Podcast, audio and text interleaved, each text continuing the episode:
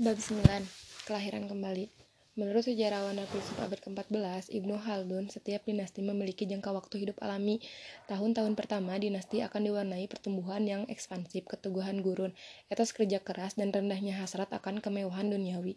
Generasi kedua meneruskan warisan generasi pertama, tetapi pertumbuhannya melambat saat para pemimpinnya mulai lebih menekankan kemewahan kehidupan istana daripada administrasi dan kepemimpinan. Menjelang generasi ketiga, kehancuran dinasti pun lengkap saat pemimpin dan wazir tenggelam dalam kemewahan dan kenyamanan sehingga negara tak mampu melindungi diri dari ancaman internal dan eksternal. Di titik tersebut, siklus mulai berulang lagi saat muncul dinasti baru untuk menggantikan yang lama. Dalam kerangka pandang ini, dunia Islam pada pertengahan dan akhir abad ke-13 jelas berada pada fase ketiga dalam teori dinasti Ibnu Khaldun, pemimpin yang tak kompeten, kelesuan kelompok tentara, serta kekayaan dan kemewahan berlebihan mengaruhi ketidakmampuan dunia Islam mempertahankan diri dari serangan luar. Sesuai filsafat Ibnu Khaldun, dinasti baru akan bangkit menggantikan yang lama. Keturunan Utsman, pejuang Turki, di Anatolia Barat akan bangkit pada abad ke-14 dan ke-15 sebagai kekuatan Islam utama dan memandu era baru kestabilan pertumbuhan dan keajaiban budaya. Tetapi, berlawanan dengan teori Haldun, kerajaan baru ini akan bertahan jauh lebih lama daripada tiga generasi. Dinasti ini akan berlanjut menjadi kekuatan dunia sampai kejatuhan pada Perang Dunia I awal 1900-an. Asal mula Ottoman. Akibat serangan gencar Mongol, banyak keluarga Turki melarikan diri Asia Tengah untuk mengungsi ke daerah perbatasan dunia Islam.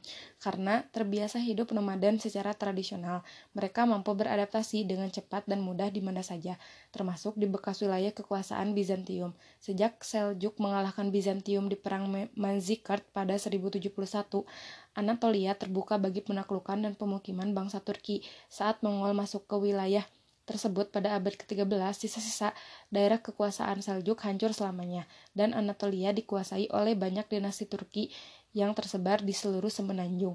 Negara-negara kecil yang disebut beylik ini biasanya didirikan oleh pemimpin militer karismatik yang disebut bey. Seorang bey bernama Osman mengatur negara tentara kecil di pinggiran kekaisaran Bizantium. Dari sekian banyaknya beylik di Anatolia, beylik Osman akan bangkit menjadi salah satu kekuatan dunia. Penyebabnya sulit dipastikan, tetapi fakta pentingnya beyliknya berbatasan dengan negara Bizantium yang sedang runtuh.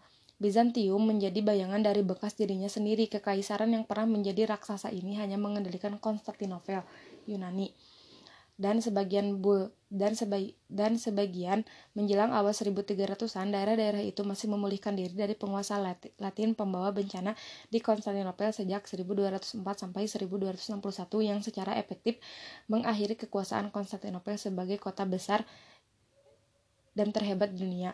Utsman mampu mengambil keuntungan dari kelemahan Bizantium dan membidik perluasan daerah kekuasaan terus ke wilayah Bizantium. Lebih jauh, ia dibantu kenyataan bahwa para pengungsi dari dunia Islam sedang melarikan diri dari serangan Mongol. Ini memberikan sumber daya manusia berharga bagi Bailey kecil tersebut.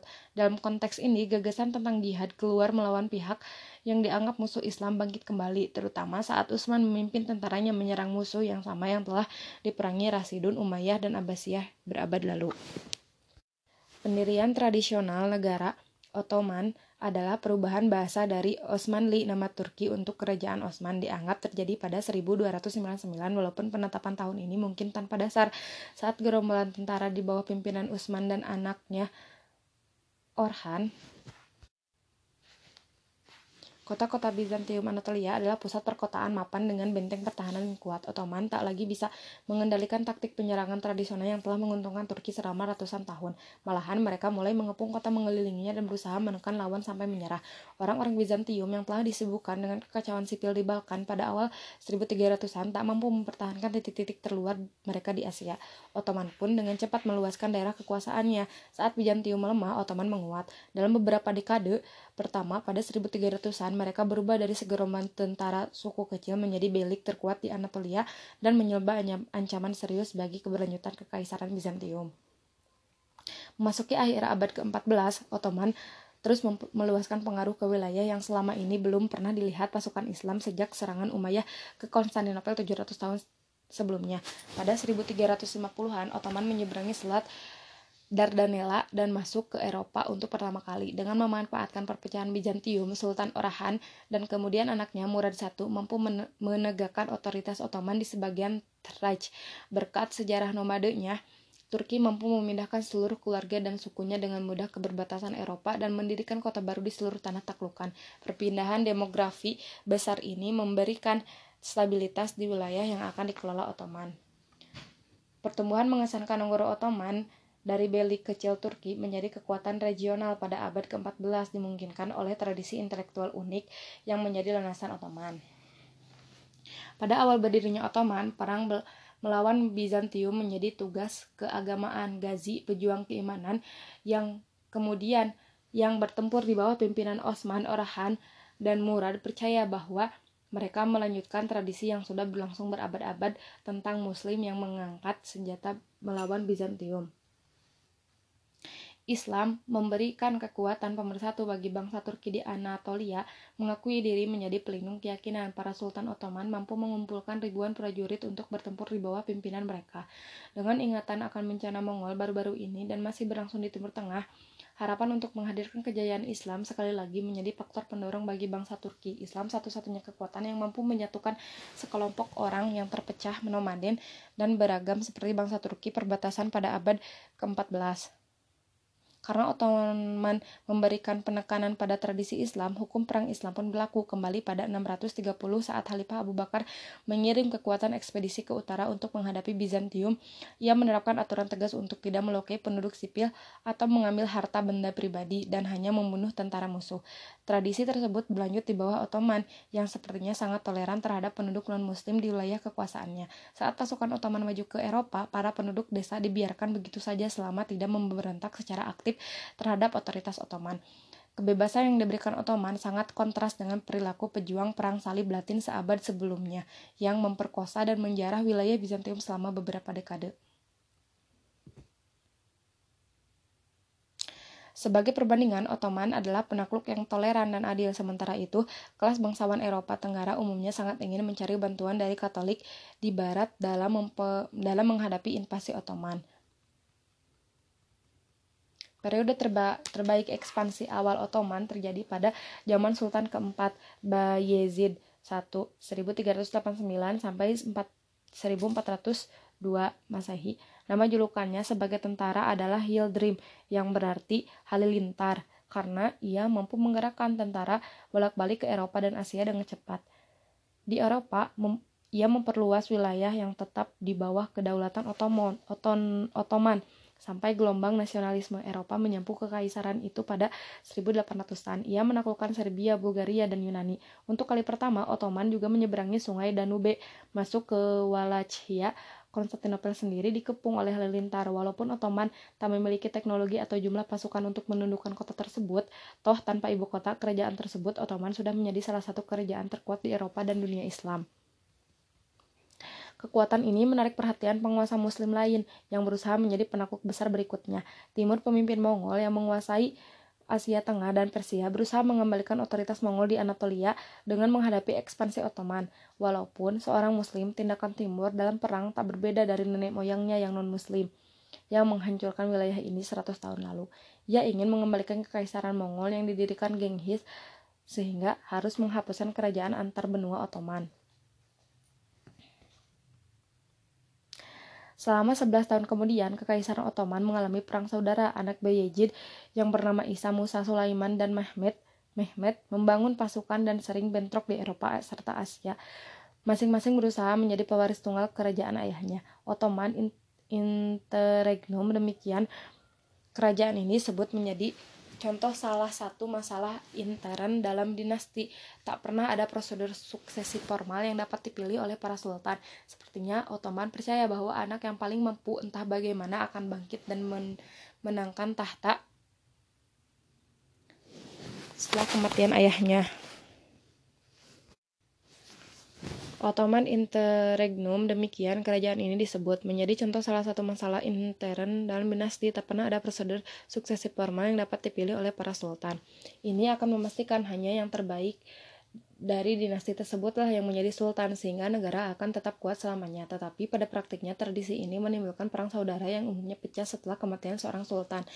Hal ini terus akan menjadi masalah sampai Sultan Ahmad I merumuskan kebijakan suksesi resmi pada abad ke-17. Akan tetapi pada awal 1400-an anak-anak sultan harus bertempur sampai mati. Menjelang 1413, Mehmed muncul sebagai pemenang atas saudara-saudaranya dan mampu menyatukan wilayah kerajaan di bawah kendalinya. Bagaimana cara ia menyatukan secara militer tidak sepenting penyebab kekaisaran Ottoman mampu me merekonstitusi diri setelah perang saudara selama 11 tahun. Alasan utamanya adalah institusi yang dibangun Ottoman di seluruh wilayah mereka pada abad ke-14 di atas segalanya Ottoman menekankan Islam sebagai faktor pemersatu untuk membantu mengembalikan para pemimpin Turki di bawah kendali Ottoman saat Mehmed memenangi perang saudara. Sebagai penjaga perbatasan Islam, penduduk Islam di Anatolia dan Balkan mengandal mengandalkan Ottoman. Terbaginya kerajaan pada keempat anak mengurangi kekuatan melawan kekuasaan Bizantium. Saat Mehmed muncul sebagai pemenang, Muslim di wilayah tersebut sekali lagi bersatu seperti sebelumnya. Selanjutnya, Ottoman menetapkan sistem gilda yang juga mem memanfaatkan identitas Islam Turki. Di seluruh wilayah Ottoman, sistem gilda bebas disebut ak Akis. Sistem ini semacam perserikatan yang mengatur praktir, manufaktur, dan urusan bisnis lainnya. Akhis biasanya berkaitan dengan kelompok sufi dan memberikan penekanan khusus pada kemajuan spiritual anggotanya, sejalan dengan yang mereka lakukan dalam bisnis dan perdagangan. Tradisi militer juga berperan penting dalam upaya penyatuan kembali. Selama kekuasaan Orhan, korps prajurit elit direkrut untuk mengabdi langsung kepada Sultan Ottoman. Pasukan ini dikenal sebagai Janissaries dari kata Turki Yaniseri yang berarti pasukan baru. Pada masa Sultan Bayezid berjumlah ribuan orang yang direkrut sebagian besar dari penduduk Kristen di Balkan karena berasal dari beragam etnis tetapi disatukan dalam kooperasi yang setia pada negara Ottoman. Mereka berfungsi menyatukan berbagai budaya dan latar belakang yang hidup di bawah kedaulatan Ottoman.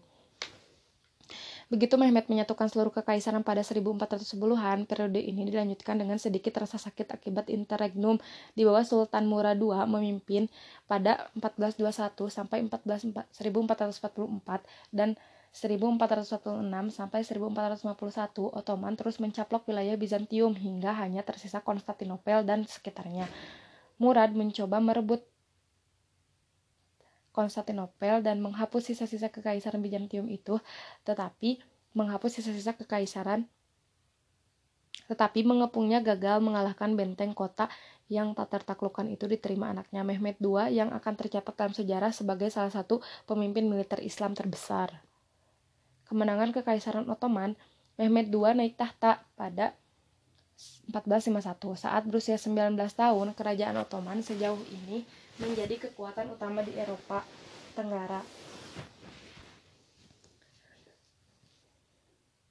Kerajaan ini multi etnis, fleksibel dan kuat. Mungkin tak ada yang bisa mempresentasikan kerajaan ini selain Mehmet.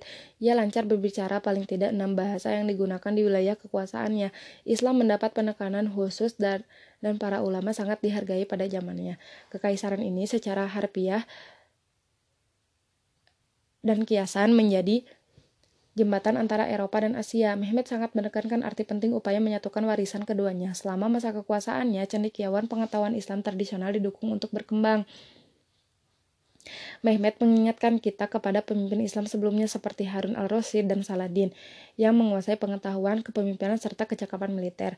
Akan tetapi ada dua ganjalan bagi Mehmet. Yang pertama, ia belum berpengalaman, ia masih muda saat naik tahta dan tentu saja ia tidak dipercaya oleh negarawan yang lebih tua yang pernah mengabdi kepada ayahnya. Sesungguhnya Mehmet pernah memegang tahta sebentar sebelumnya saat berumur 12 tahun ketika ayahnya pensiun.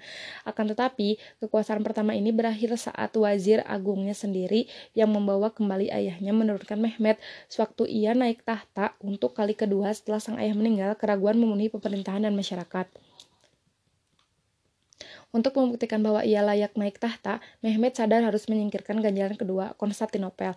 Kota ini terletak hampir tepat di tengah-tengah kerajaannya, walaupun hampir tak lagi sekuat sebelumnya, kota ini masih mampu mengganggu perdagangan dan gerakan militer Ottoman.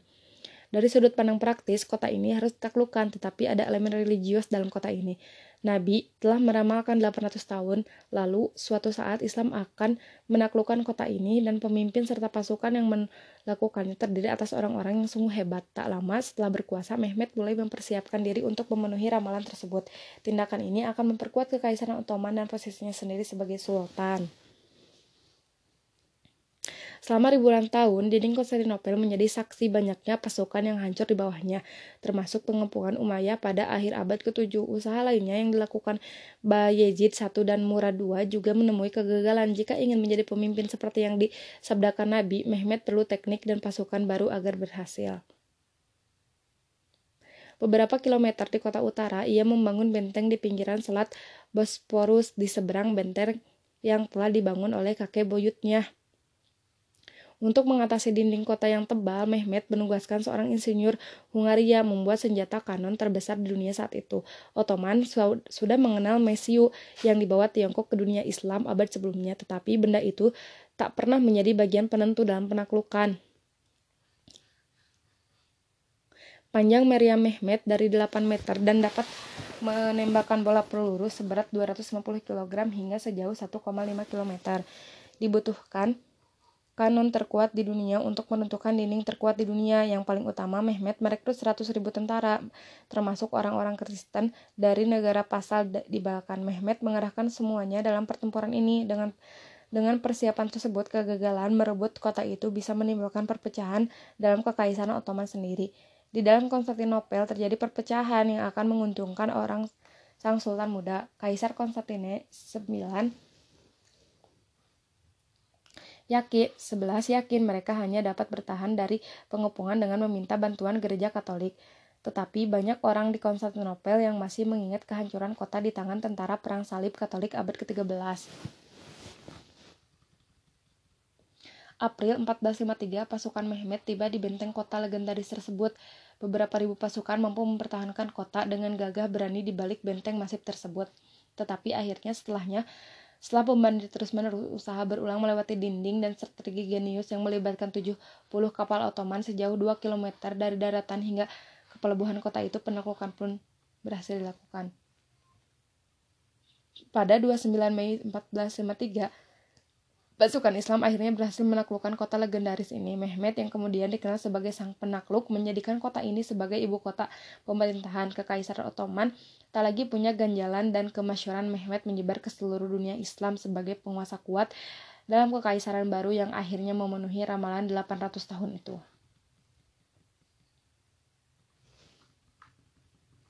Masa keemasan Ottoman Sang penakluk terus memper, memperluas wilayah Ottoman secara militer. Tak lama kemudian, bendera Ottoman berkibar di wilayah yang lebih banyak di Serbia, Bosnia, Moldova, dan Albania.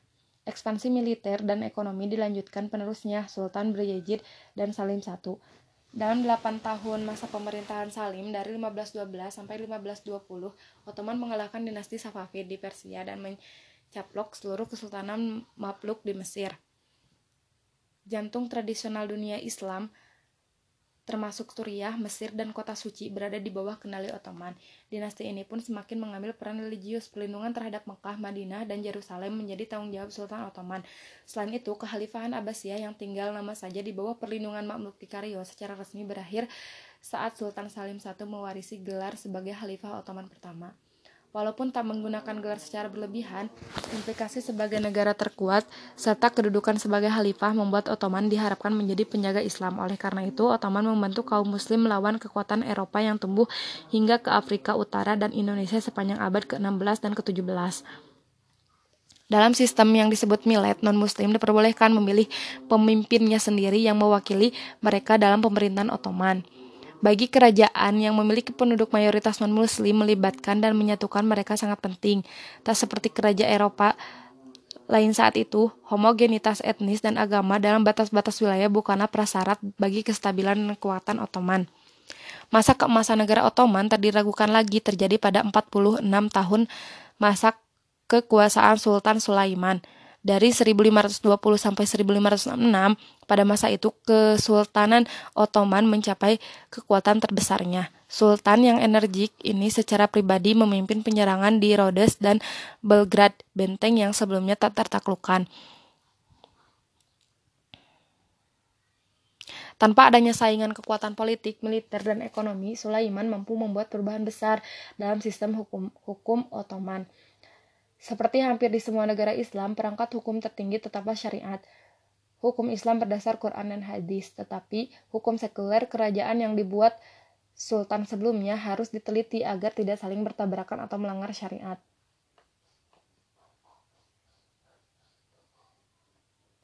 Saat Sulaiman meninggal pada 1506, kekuasaan beralih ke Salim II. Seperti Salim pertama, anak kesayangan Sulaiman ini tercakap sebagai administrator ataupun pemimpin militer. Akan tetapi, kerajaan Ottoman bukanlah rumah kartu yang runtuh akibat satu kekalahan. Ottoman tetap menjadi kekuatan Eropa utama selama ratusan tahun setelah kekuasaan Salim. Masa penaklukan Ottoman baru berakhir pada akhir abad ke-16. Eropa akhirnya mampu menyusul dunia muslim, baik secara teknologi maupun sosial. Safavid, segera setelah kebangkitan Ottoman yang sangat cepat pada abad ke-15, sebuah kerajaan baru terbentuk di timur sebagai pesaing. Asal mula kerajaan Safavid sama dengan Ottoman, banyak hal. Tetapi cara pandang dunia dan struktur keagamaannya secara mendasar sangat berbeda. Konflik antar kedua kerajaan besar dari abad ke-16 hingga ke-18 ini membantu menentukan susunan keagamaan Timur Tengah selama berabad-abad. Hasilnya pun masih terlihat sampai sekarang. Tak satu pun kelompok yang mampu menanamkan kendali di seluruh wilayah. Banyak kerajaan kecil muncul yang tampak saling berkonflik satu sama lain. Walaupun sebagian besar masyarakat Persia tergolong Sunni, sejak penaklukan pada 600-an, gerakan Syiah mulai berkembang di utara. Golongan ini dapat ditelusuri asalnya pada periode ke kekacauan setelah invasi Mongol pada 1200-an. Sering berjalannya waktu, golongan ini semakin mistik dibanding jalan sufi lainnya. Akhirnya golongan ini mengadopsi aliran 12 imam Syiah sebagai keyakinan resmi. Kerajaan Syiah sudah muncul sebelum Sepapi, tetapi mereka tak pernah menjadi penganut 12 imam sebab keyakinan inti aliran ini adalah imam kedua belas sedang bersembunyi dan hanya akan datang pada akhir zaman. Sapapid mengelakkan keyakinan ini dengan menyatakan para pemimpin kelompok mereka keturunan Ali dan terhubung dengan imam tersembunyi itu sendiri sehingga memberi legitimasi sebagai kelompok politik Syiah berdasar keturunan. Dengan penggabungan legitimasi politik dan religius seperti itu, Sapapid sibuk menciptakan sebuah kerajaan pada akhir 1400-an. Perkembangan kekuatan Sapapid pada akhir 1400-an serta pandangan keagamaannya yang heterodoks mendapatkan perlawanan dari pangeran-pangeran Sunni di Persia. Sepanjang masa kecil, ia bersembunyi dilindungi sekelompok tentara yang setia kepadanya dan dikenal bernama Kizilbas bahasa Turki untuk kepala merah. Pada 1501, akhirnya ia mampu merebut kota Tabriz yang akan menjadi ibu kota pemerintahnya. Ekspansi Ismail dari daerah asal Sapapid bukan sekadar hasil kemampuan militer dan akibat pecahan Persia. Ismail juga memanfaatkan rasa nasionalisme Persia yang lama terpendam di alam bawah sadar masyarakat. Bangsa Arab, Turki, kemudian Mongol mendominasi wilayah ini. Bahkan saat masyarakat umum memegang teguh identitas Persia pra-Islam, Ismail mengedepankan kembali identitas tersebut. Untuk menjadikan kerajaan lebih seragam, Ismail menggabungkan nasionalisme Persia dengan Syiah 12 imam. Gerakan aliran Syiah ini menjadi agama resmi kerajaan dan secara kasar dipaksakan kepada rakyat. Islam Sunni dianggap melanggar hukum dan penduduk diberi pilihan untuk pindah. Tanah asal ulama Sunni besar seperti Abu Hanifah, Ibnu Sina, dan Al-Bukhari dengan segera menjadi pusat pergerakan Syiah. Tapi Ismail tak puas hanya mengendalikan keyakinan orang Persia dan berharap dapat mengendalikan dan berharap dapat memasukkan orang Syiah di dalam kerajaan dan di luarnya. Malang bagi Ismail, Sultan Ottoman yang sedang berkuasa pada 1510-an itu Salim I yang mendapat julukan Yafuj yang berarti cemberut, tentu saja Yapus Salim tidak berpangku tangan saat orang luar mengaku kerajaannya. Pada 1514, Salim menyerbu wilayah Safavid, berusaha menghancurkan Ismail dan pasukannya. Kedua belah pihak bertemu di Skaldiran, dekat ibu kota Tabriz. Dalam pertempuran itu, Ottoman menggunakan meriam dan senapan melawan semangat keagamaan Safavid. Ottoman keluar sebagai pemenang. Ismail melarikan diri dengan aura supernatural yang tercemar selamanya. Diduga ia menghabiskan sisa hidup dalam depresi dan kecanduan alkohol karena tak pernah melupakan kekalahan dari kerajaan Sunni yang kuat. Walau demikian, kerajaannya tetap utuh, Salim tak mampu mencaplok wilayah Sapapid. Kerajaan Ismail mencapai puncak kejayaan di bawah pimpin, pimpinan cucunya, Sah Abbas I yang memerintah sejak 1587 hingga 1629. Miniatur Persia menjadi bentuk ekspresi artistik yang dominan yang sangat mempengaruhi seni negara tetangga juga. Seni mendongeng Persia juga berkembang kembali. Riwayat epos pra-Islam tua menemukan ruang tumbuh kembali bersama karya-karya yang lebih baru tentang orang Persia. Di Isfahan, ibu kota Shah Abbas I, berdiri bangunan publik dan masjid yang rumit dilengkapi dengan taman terbuka yang luas serta mozaik dan kaligrafi geometris yang kompleks.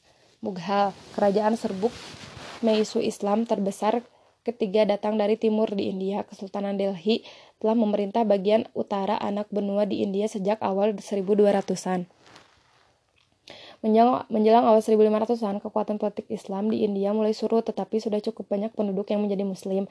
Kerajaan Mughal didirikan oleh penakluk Turki dari Asia Tengah, Bubu, Babur 1483 sampai 1530.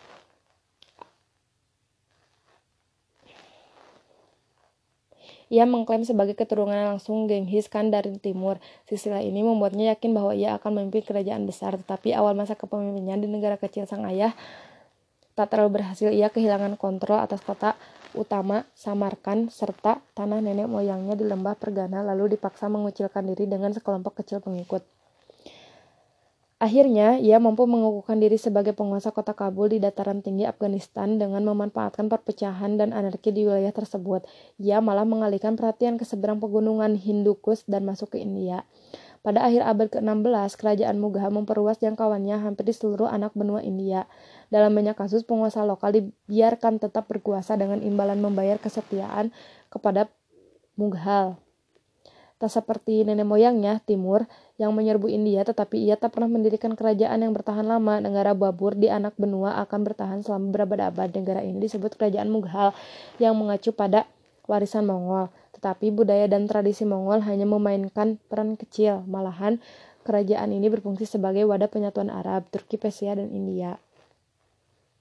Mirip seperti kerajaan Ottoman yang sejaman, Kerajaan Mughal menyatukan beragam manusia dan tradisi. Tak lazim bagi seorang Hindu di kerajaan Mughal membaca dan menulis dalam bahasa Persia. Seorang murid arsitek besar Ottoman, Mimar Sinan, pergi ke kerajaan Mughal untuk terlibat dalam pembangunan Taj Mahal yang legendaris. Suasana percampuran budaya mencapai puncaknya pada masa Kaisar Akbar memerintah pada 1566 sampai 1705 dengan menganggap dirinya pencinta cendekiawan tanpa memperlihat, memperhatikan latar belakang budaya dan agama mereka. Dia terkenal kerap mewadahi debat dan diskusi antar cendekiawan berbagai agama di istananya. Pemuka agama Hindu, Buddha, Kristen, Yahudi diundang untuk mendiskusikan konsep Tuhan dan agama mereka dengan ulama Muslim. Akbar lalu merumuskan teori keagamaannya sendiri yang dalam pikirannya dapat menjembati kekosongan antar berbagai tradisi. Ia menyebut agama barunya sebagai din ilahi atau agama Tuhan, Islam yang monoteis, dan Hindu yang politeis. Pada dasarnya bukanlah teologi yang cocok. Ulama tradisional Islam merasa tersinggung dengan tindakan Akbar, serta menyatakan sebagai hujatan dan keluar dari batas-batas Islam. Penguasa penerusnya me merencanakan jalan kembali ke Islam tradisional. Hal ini mencapai puncaknya pada masa Aurangzeb memerintah pada 1658 sampai 1707 Kaisar Mughal ketujuh yang berkuasa di puncak Mughal. Gelar kerajaannya uh, Alamgir, penakluk dunia lantaran ekspedisi militernya ke seluruh India.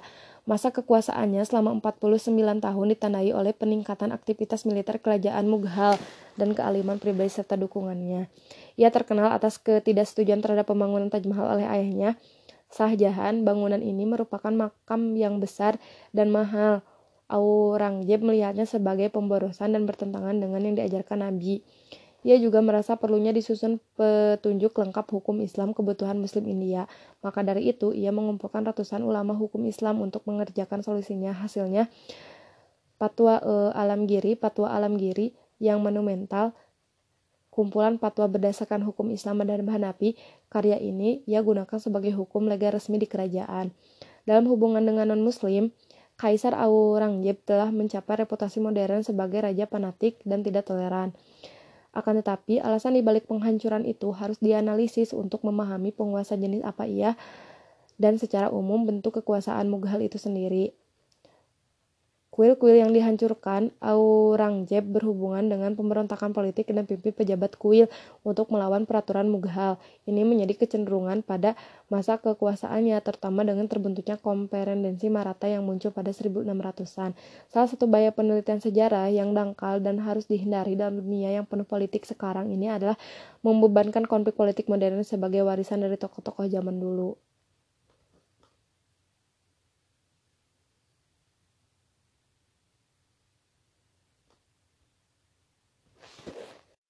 Mughal Kerajaan serbuk Mesyu Islam terbesar ketiga datang dari timur India. Tiga kerajaan Mesyu secara bersama-sama Ottoman, Safavid, Mughal dikenal sebagai kerajaan Mesyu. Mereka berkuasa dengan tatanan baru di dunia Islam, rahil dari sisa-sisa invasi Mongol yang menghancurkan mereka mewakili kebangkitan kembali dunia Islam. Meskipun membentang di wilayah berbeda yang sangat luas, memiliki tujuan politik bertentangan dan perbedaan keagamaan yang mencolok, mereka memiliki inti budaya yang sama yaitu Islam. Ini membuat mereka tampak lebih mirip, bukannya berbeda.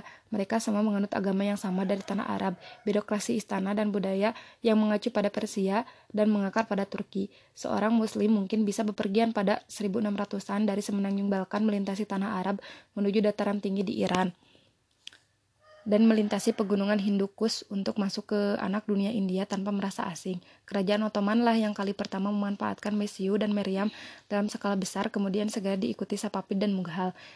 Tingkat pencapaian ilmiah dan tekniknya tentu saja tak sebanding dengan masa keemasan ilmu pengetahuan dinasti Abbasiyah. Yang paling signifikan bagi dunia Islam modern adalah pandangan tentang persatuan pra-Islam yang tampaknya tak lagi layak. Dinasti Umayyah dan Abbasiyah pernah memimpin kerajaan yang membentang dari Spanyol hingga India. Tetapi model politik seperti itu tak memadai lagi. Ada beberapa surat dari Sultan-Sultan Ottoman yang ditujukan kepada Raja Mughal dengan gelar Khalifah Amir al-Mu'minin yang berarti pemimpin mukminin. Ada pula beberapa usaha dalam penyatuan pan-Islam, pra-Islam secara simbolis yang paling terkenal terjadi pada masa pemerintahan Sultan Abdul Hamid II dari Ottoman pada akhir abad ke-19 tetapi saat kerajaan Mesiu ini bangkit kegunaan kerajaan pan-Islam melesat.